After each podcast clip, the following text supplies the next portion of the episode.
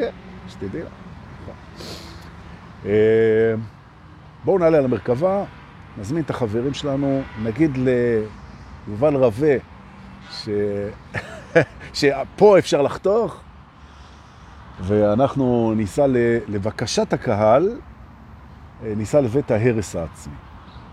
נכון? כדי ללמוד קצת תובנות שקשורות להרס עצמי, ובכלל לכל מיני מצבים שאנחנו רוצים ללמוד עליהם. טוב, אוקיי. תעלו, תעלו על המרכבה. למה אתם מחכים? עכשיו עולים, עכשיו. נכון. אה, הנה, שרון כותבת לי כל מיני דברים, אני אסתכל אחר כך. דבר בטלפון אחר כך. אה, ונראה מה העניינים. בסדר. ברוכים הבאים לבית ההרס העצמי. כתבתי על זה גם איזה פוסט בבוקר, מה זה הרס עצמי, איך מתקנים הרס עצמי, מה מסתדרים וזה. אוקיי, עכשיו. תראו, תראו, קודם כל, הפרספקטיבה שאנחנו מסתכלים בכלל על דברים לא רצויים, מחלות, דיכאונות, מצבי רוח, הפסדים, אובדנים, כל האלה, ובכלל זה גם הרס עצמי, התמכרויות, כמה שאתם רוצים. אנחנו מסתכלים על זה, ואפשר להסתכל על זה אחרת. אנחנו מסתכלים על זה כאן כאל ברכה, כאל מתנה, כאל אפשרות, כאל אתגר, כאל משהו שיש בו הרבה טוב, למרות שהוא משהו שהוא לפעמים כואב, הרבה פעמים.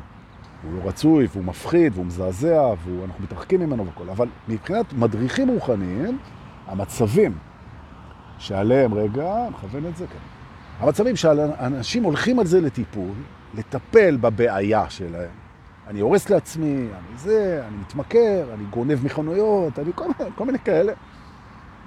יש פה פוטנציאל לא נורמלי, ומבחינתנו, שאנחנו לא פסיכולוגים, תודה לאל, אנחנו, מה שמעניין אותנו באג'נדה כמו שאני רואה אותה, ואם אתם רואים את זה אחרת, זה בסדר גמור, פשוט בעדינות תתרחקו מהשידור ואני לא רוצה לראות אתכם יותר. לא, סתם, אין סופר.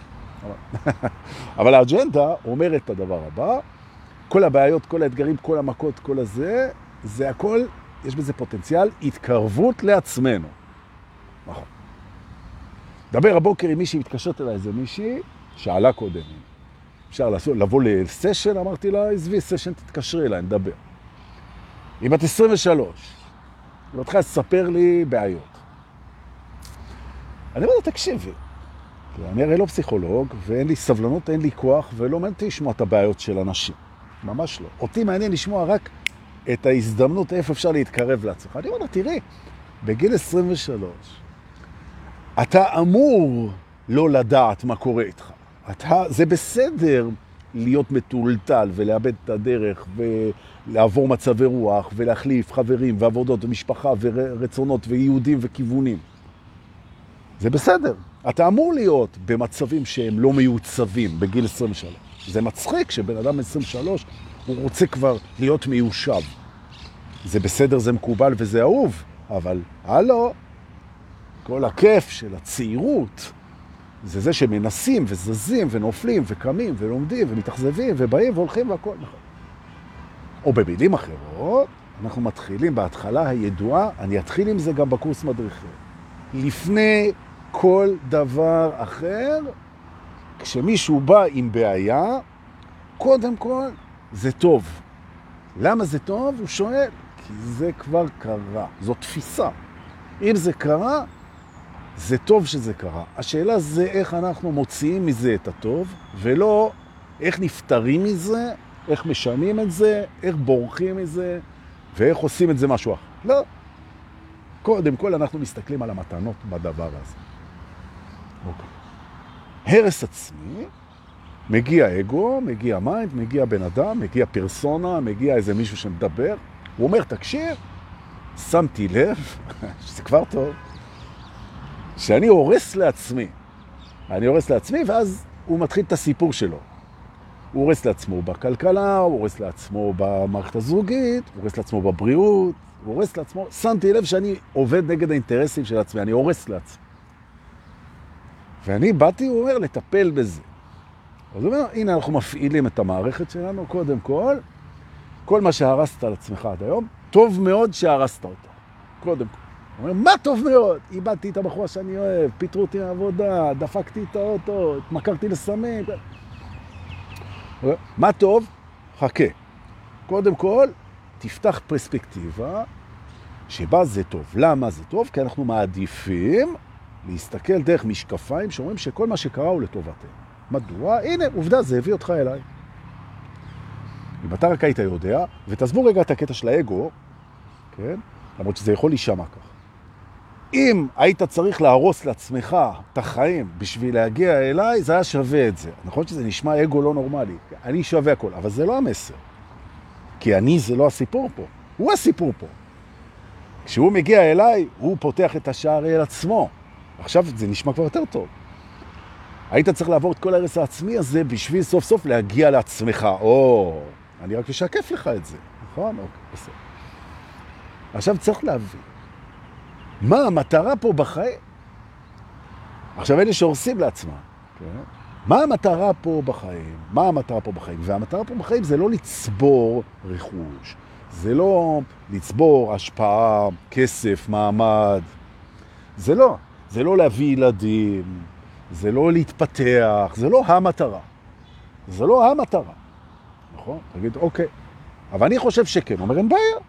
אתה תחשוב מה שאתה רוצה, אבל אני רוצה שאתה רגע תעשה הנחה. ולפני שאתה עושה אותה, תנשום. יש לך הרס עצמי? טוב מאוד שיש לך הרס עצמי. טוב שבאת, תנשום. בואו ננשום. אה, נשמת? כן. בוא נסתכל על זה רגע טוב מאוד שהיה. גם אי אפשר לשנות את זה. למה? כי זה מביא אותך לעצמך. מה שהמטרה של החיים, קודם כל, זה שאתה תפגוש את עצמך. מי אתה? מה שלא משתנה בך. עכשיו, יכול להיות שהרס עצמי זה היה הדבר היחיד, או הדרמטי, או דימיננטי, או היעיל ביותר, שיביא אותך לפגוש את עצמך, או במילים אחרות, להגשים את הדבר המרכזי שלשמו התכנסנו בחיים האלה, פגישה עם מה שאמיתי בנו. עכשיו, אם יש לכם בן אדם שאומר, תשמע, אני לא מקבל את הגישה הזאת. בכלל המטרה בחיים זה לא מה שאתה אומר. המטרה בחיים זה לעשות כמה שיותר כיף, להימנע מסבל או מכאב, כמה שיותר, ושיחשבו עליך דברים טובים ושיהיו לך זיכרונות טוב.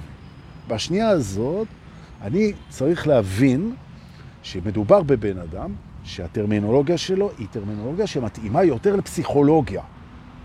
ברמת ההישגים, ברמת העבר, מה יהיה לו בזיכרון, ברמת התפיסה, ברמת הזהות, ברמת הדימוי, והערס העצמי מאיים לו על המערכת הזאת, ובעצם הוא לא מוכן כרגע להסתכל על זה אחרת. זאת אומרת שאני מנסה, וזו הסיבה שאני אומר לו, בוא נניח רגע שזה טוב, הוא אומר, אני לא מצליח לראות את זה, למה? אפשר לראות כל דבר אחר. אפשר לראות כל דבר אחר. אם הבן אדם שבא איתכם, אליכם, מולכם או מתוככם, הוא טוען שאת איך שהוא רואה את הדברים אי אפשר לראות את זה אחרת, אם הוא טוען את זה, בתור מדריכים רוחניים, אנחנו שולחים אותו לדרכו. עכשיו, דורקי, אני לא מסכים איתך, לא שולח, לא מוותר על אף אחד, נלחם עד הסוף, אין בעיה, חמוד שלי. אני מסביר לך את האסכולה שאני מאמין בה. בן אדם שאומר שיש לו פרספקטיבה שאי אפשר לראות אותה אחרת, למעט אמת, כן? שאז כולם רואים את זה, אותו דבר. אבל שהפרספקטיבה הסובייקטיבית שלו, היא, אי אפשר לראות את זה אחרת. למשל, אבא שלו הרביץ לו כי אבא שלו בן אדם רע, ואיך שלא תסתכל על זה, אבא שלו בן אדם רע. הניסיון לראות את אבא שלו לא כבן אדם רע, הוא לא מסכים בשום פנים ואופן, הוא לא בשל להדרכה רוחנית. לא מוכן לסלוח, לא מוכן לראות את זה אחרת, לא מוכן להבין שאבא שלו זה קסטינג, ליהוק, שהוא ליהק אותו כדי ללמוד סליחה, כי אם אתה תצליח לסלוח לאבא שלך שימלל אותך 30 שנה, אז אולי אתה תצליח כבר לסלוח לכל דבר, בטח לעצמך. הוא לא מוכן לראות את זה, אז תודה ולהתראות בסיבוב הבא.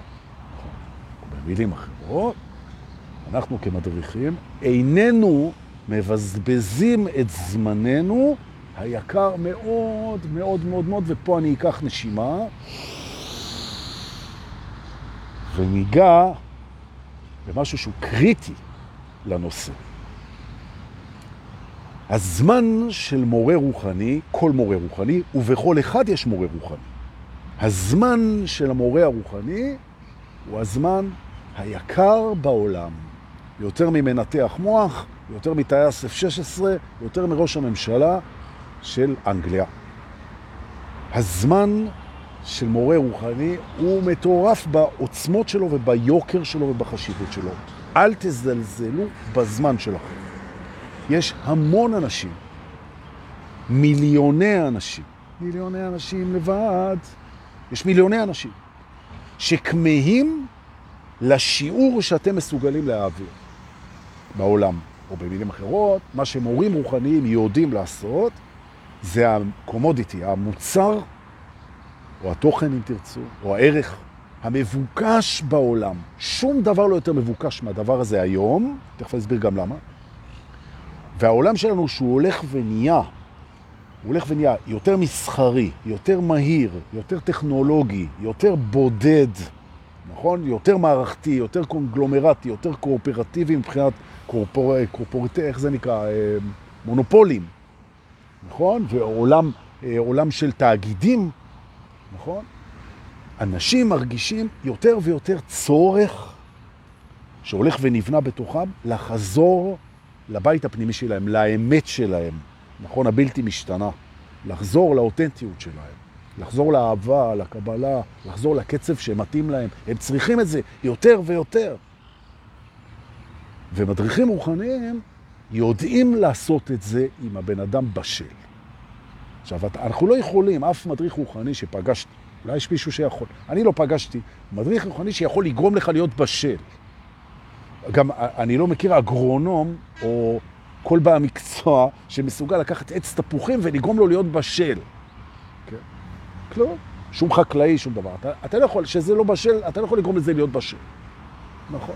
יש מלא טריקים וככה זה גם נראה. אבל כשמגיע אליכם מישהו בשל, והוא באמת רוצה לעבור שינוי פנימה לאמת שלו, הזמן שלכם איתו זה הזמן היקר ביותר בעולם. אבל העולם מלא באנשים שמחפשים תשומת לב, וזה בסדר גמור. והם מחפשים מישהו שייתן להם אמפתיה על הסיפור שלהם, ושהוא ישתתף בפרספקטיבה שלהם, ובנקודת ראייה שלהם, ובזיכרונות שלהם. מישהו, יש אנשים שמחפשים שירחמו עליהם, יש אנשים שמחפשים שיסכימו איתם, ויש מחפשים, אנשים שמחפשים לא להיות לבד. ולפעמים הם טועים והם רואים במדריך הרוחני משהו כמו פסיכולוג, שאפשר לשלם לו כמה מאות שקלים לשעה, וברגע הזה הוא ישמע ויגיב באהבה על הסיפור שלהם, ואין משהו שאני מזהיר את המודרכים שלי, שהם מדריכים בעצמם, יותר מהדבר הזה. אני ממש מזהיר אותם. אם הבן אדם לא מוכן לעשות שינוי בפרספקטיבה שלו, נא לא לבזבז עליו את הזמן. ואיך אתם בודקים את זה? אתם שואלים אותו. האם הצורה שבה אתה רואה את הדברים, אפשר לראות אותה אחרת? ואם אפשר לראות אותה אחרת, למה בחרת לראות את זה ככה? ואם הוא אומר אי אפשר לראות את זה, כי זה ככה, אז הוא לא בשל. נכון. אפשר לראות את זה אחרת. עכשיו אתם יכולים לבוא ולהגיד, אוקיי, אז גם מה שאתה אומר אפשר לראות את זה אחרת, נכון? נכון? אז למה אתה לא רואה את זה אחרת? מהסיבה פשוטה שאני בוחר לראות את זה בצורה שמעצימה אותי. נכון. נכון. עכשיו נשאלת השאלה, האם אתה רואה את הדברים בצורה שמעצימה אותך, עושה לך טוב? אם כן, אז אתה רואה אותם נכון לך. והנה ההרס העצמי חוזר. היה לך הרס עצמי? אוקיי. אפשר לראות שזה לא הרס עצמי. זה לא בהכרח הרס עצמי, נכון? כמו שמישהו שדואג לעצמו, אפשר להגיד שהוא אגואיסט, אפשר להגיד שהוא חכם. אפשר להגיד שהוא אה, עסוק ב, אה, במיקוד, שהוא אה, בריפוי עצמי. נכון? לאו דווקא לשים עליו את האגואיסט. אפשר גם אגואיסט. אתה בהרס עצמי? לא בטוח שזה הרס עצמי, אחי. יכול להיות שזה לוח של שלטים, ההרס העצמי, שמראה לך שבנקודה מסוימת, או בכסף, או בזוגיות, או בזיכרון, או ברצון, או בתשוקה, או בחינוך, או במשהו, איפה ששם אתה הורס, יכול להיות שיש שם כאב, או שיש שם אה, מתנה, או שיש שם משהו שקורה לך לבוא אליו. אגב, גם כאב זה מתנה, כי זה קורה לך לתשומת לב. יכול להיות שאתה בדרך של החיים שלך, אה, פספסת משהו. חשוב, ממש חשוב, מהמם. ובעצם המקום שבו אתה עושה את ההרס העצמי זה בסך הכל קריאה לחזור למקום הזה.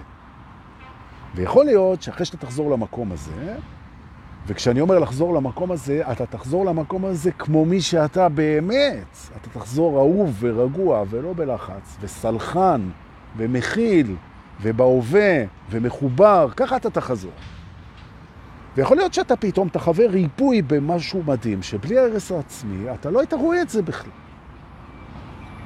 הרעיון הזה שהדברים שמחייבים לנו ונוטשים אותנו ועוזבים אותנו ומלחיצים אותנו ומקטינים אותנו ומעצבנים אותנו, הרעיון הזה שהם עובדים בשבילנו, הדברים האלה, שהמציאות היא טובה, נקודה, גם כשהיא מכאיבה וגם כשהיא שורטת וגם כשהיא מלחיצה. התפיסה הזאת, שזה לטובתך, מייצרת בסוף חוויית מציאות כזאת.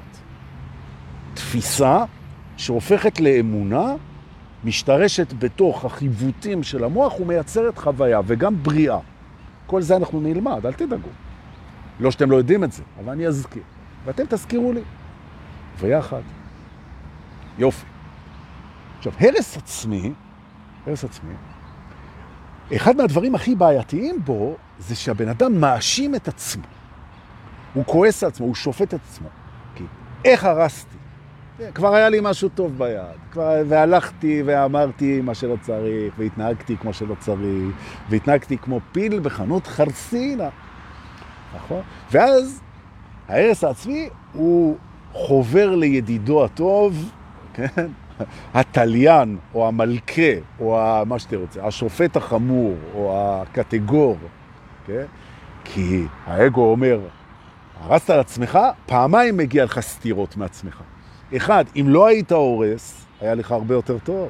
אז תתייסר ב-what ושתיים, זה היה בשליטתך כאילו, אתה אשם בזה לגמרי. יכולת לא להרוס והרסת, אז זה אומר שאתה טיפש, שאתה דפוק, שאתה לא נורמלי, שאתה... זה... וגם תאר לך כמה טוב היה יכול להיות לך אם לא היית הורס לעצמך. זה לא נכון וזה לא נכון. למה זה לא נכון ולא נכון? כי זה לא מטיב איתך. לעומת זאת, מה שהרסת, טוב שהרסת. זה הביא אותך לכאן. וסיפורנו תמיד מתחיל מכאן. ואנחנו נבדוק את יצר ההרס שלך ונראה איזו קריאה ולאן יש לנו פה, ונלך על השביל הזה של ההרס העצמי, או של הכאב, או של האובדן, או של השליטה, או של מה שאתם רוצים, של האטימות, או של הנטישה. אנחנו הולכים על השבילים האלה ומגלים את המתנה שמחכה לנו שם. והמתנה היא כמעט תמיד קפיצה בקרבה עם עצמנו. נכון. ותדעו לכם, ומי שהיה אתמול בסדנה יודע, כשאתה אחד עם עצמך, אין עליך.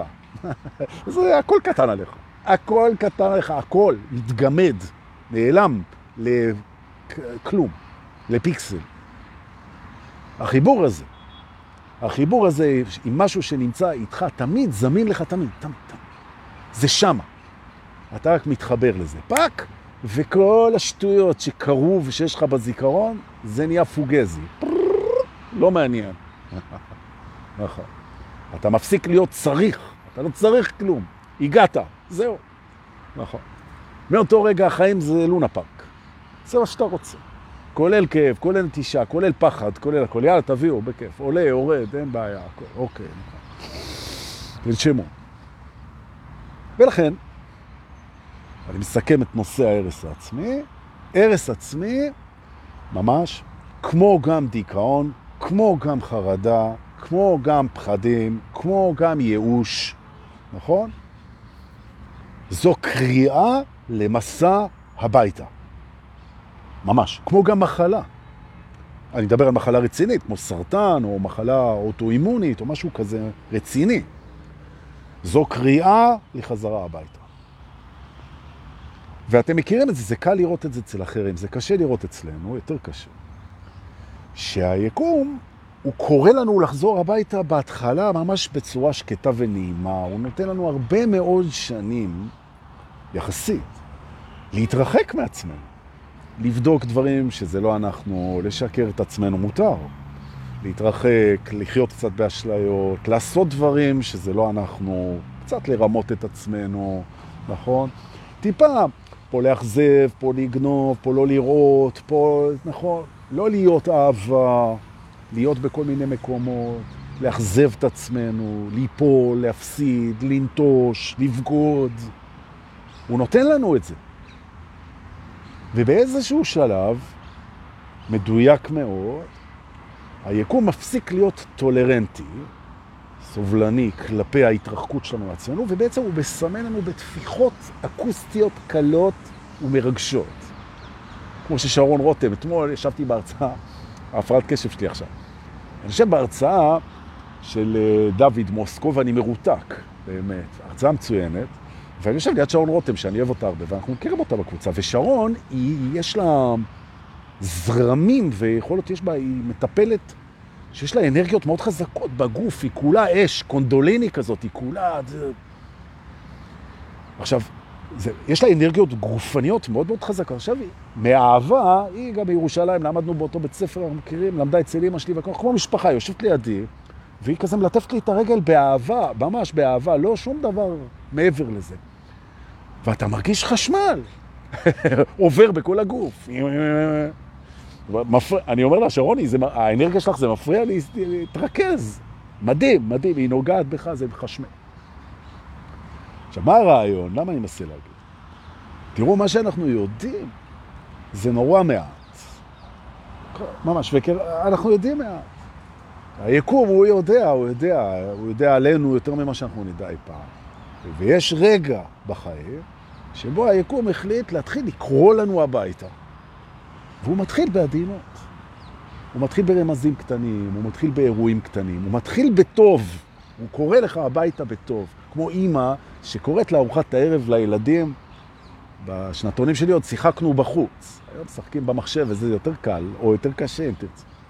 בהתחלה בעדינות, בוא הביתה, בוא ארוחת ערב, בוא...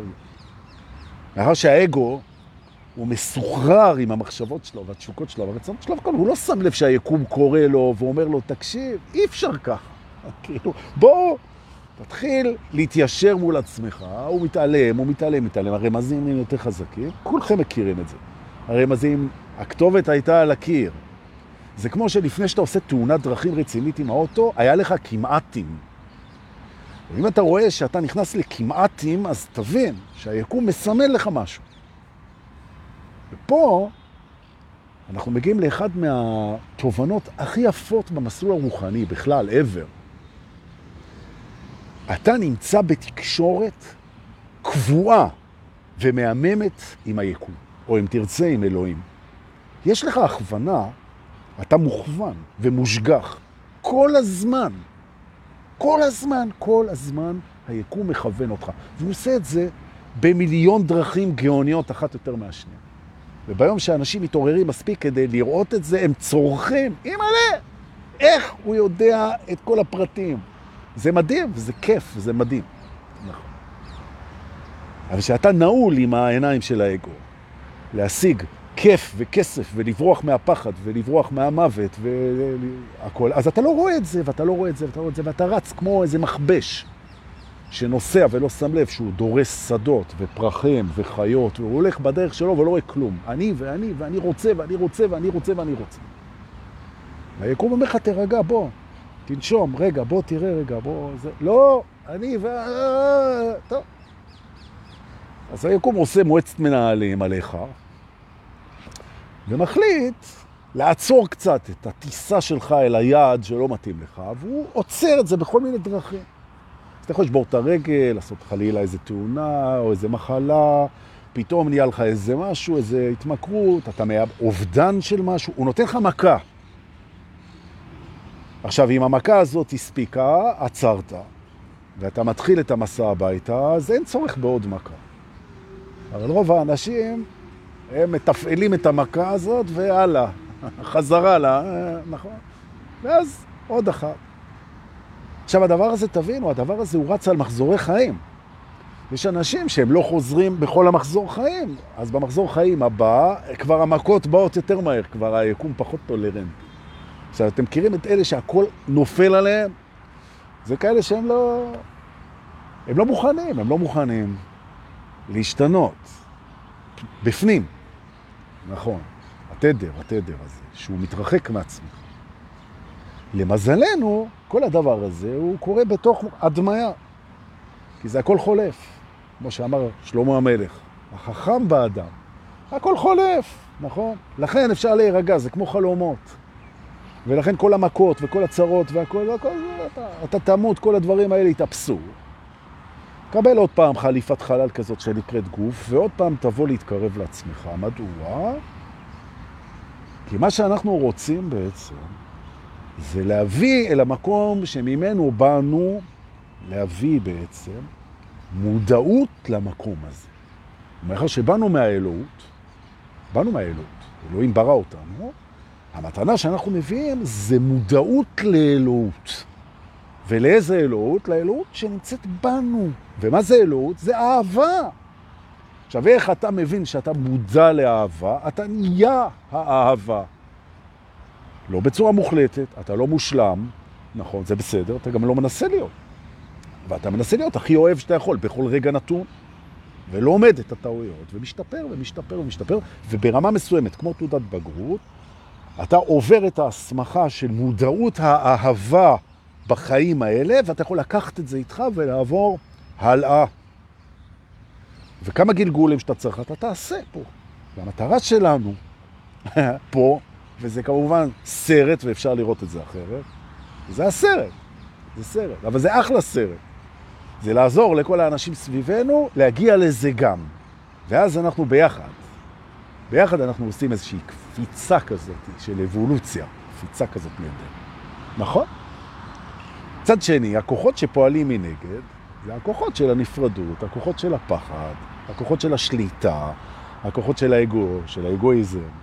וזה מאוד מעניין, המשחק הזה, ודרכו אנחנו לומדים, כי יש בנו הכל. יש בנו את כל העולם. יש בנו רשע, ויש בנו רוע, ויש בנו קיעור, ויש בנו תיאור, ויש בנו קמצנות, ויש בנו הוד והדר ואת ההפכים, כי זה דואלי. וכשבן אדם יש לו הרס עצמי, כשמשהו נהרס, משהו אחר נבנה. הוא רק לא רואה את זה. למה הוא לא רואה את זה? כי הוא לא יכול כרגע לראות את זה. למה הוא לא יכול כרגע לראות את זה? כי הוא תקוע בתוך התחת של עצמה. לכן הוא בא אליך ואתה תראה לו. שנכון שצד אחד משהו נרס ובצד השני משהו נבנה וזה מצוין, נכון? ולכן כשאנחנו מסתכלים על הרס עצמי, או על פחד, או על אובדן, או על כאב, או על תסכול, על אובדן דרך, מהצד השני נבנה משהו. והרעיון של מורה רוחני זה לשקף את המשהו הזה ולעבוד עם הבן אדם על הדבר הזה, נכון? ממש ככה. וזה מקסים, אני ממליץ על הקריירה, זה ממש טוב. אז יופי. תובנה נוספת פה בבית ההרס העצמי, שאנחנו אומרים, זה את מה זה משרת. תראו, תראו. המילה חבל, עליה אני רוצה לדבר פה עכשיו. חבל. חבל, אומרים לא, חלה, לא חבל על חלב שנשפך, נכון? חבל. עכשיו תראו, חבל, אנשים בדרך כלל משתמשים בזה בקטע אנרגטי מול העבר. חבל שהיה ככה, חבל שהיה ככה. זאת אומרת, זו מילה אנרגטית שמחברת אותנו בעצם, רגע, אני אעבור לצל, כי חבל שאני אשב בשמש, נכון? אבל אמרת עבר. בוא נראה, אני אסביר. הנה, יש לי פה צל מחכה לי. הופ.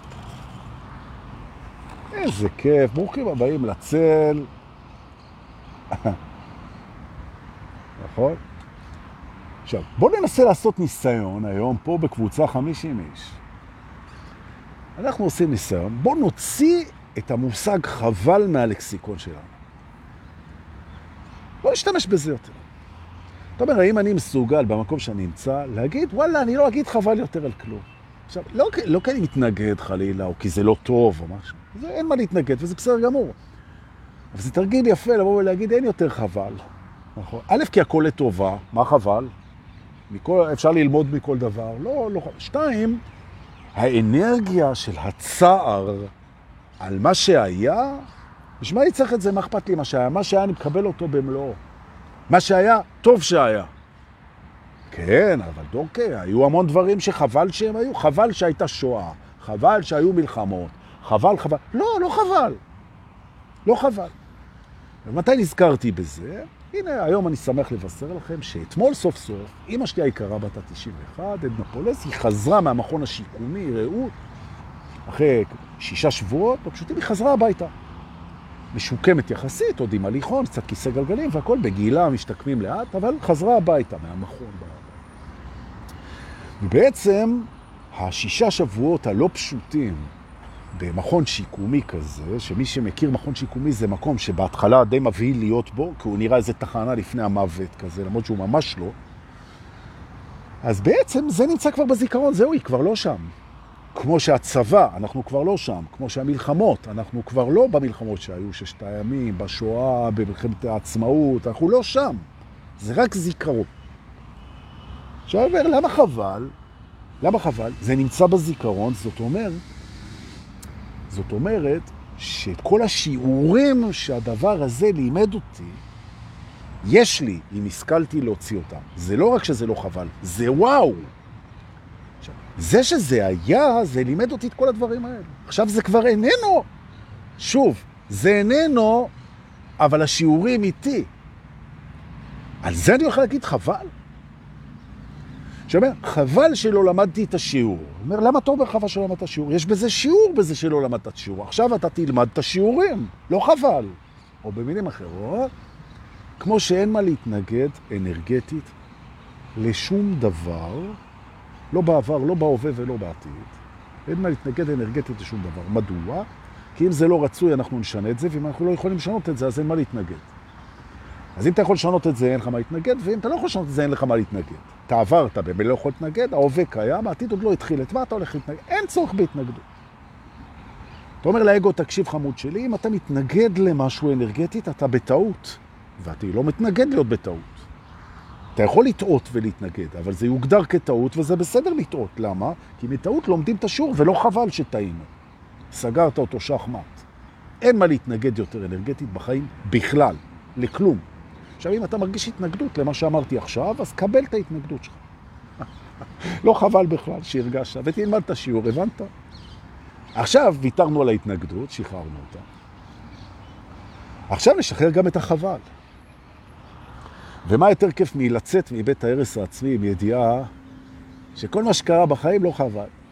לא חבל בכלל. תודה אפילו על הכל. נכון. ובעודנו יוצאים אני אזכיר גם את מה שרבנו היקר והחכם אמר על הרס עצמי. אם יכולת להרוס, אתה גם יכול לתקן. תהיה רגוע. הכל בסדר. כמה חכם, כמה חכם, נכון? אם אתה יכול להרוס, אתה גם יכול לתקן. בית ההרס העצמי. זה מה שהיה לי היום להגיד. תראו, אני אחרת הייתי מדבר עוד. אני רוצה להגיד תודה לכם, אתם מקסימים. אני אעדכן, לדעתי כבר מחר, ותעקבו. על אה, פתיחת ההרשמה אה, לסמינר ולמסיבה, וניתן את כל הפרטים והכל. שמח שבאתם, ואני מאחל לכם המשך יום רביעי מקסים. שתפו אם עבד לכם, תודה לאלה ששולחים לי בביט ובפייבוקס כסף, זה נורא כיף. אנחנו נתראה בלייב הבא. תודה, חיבוקים ונשיקות.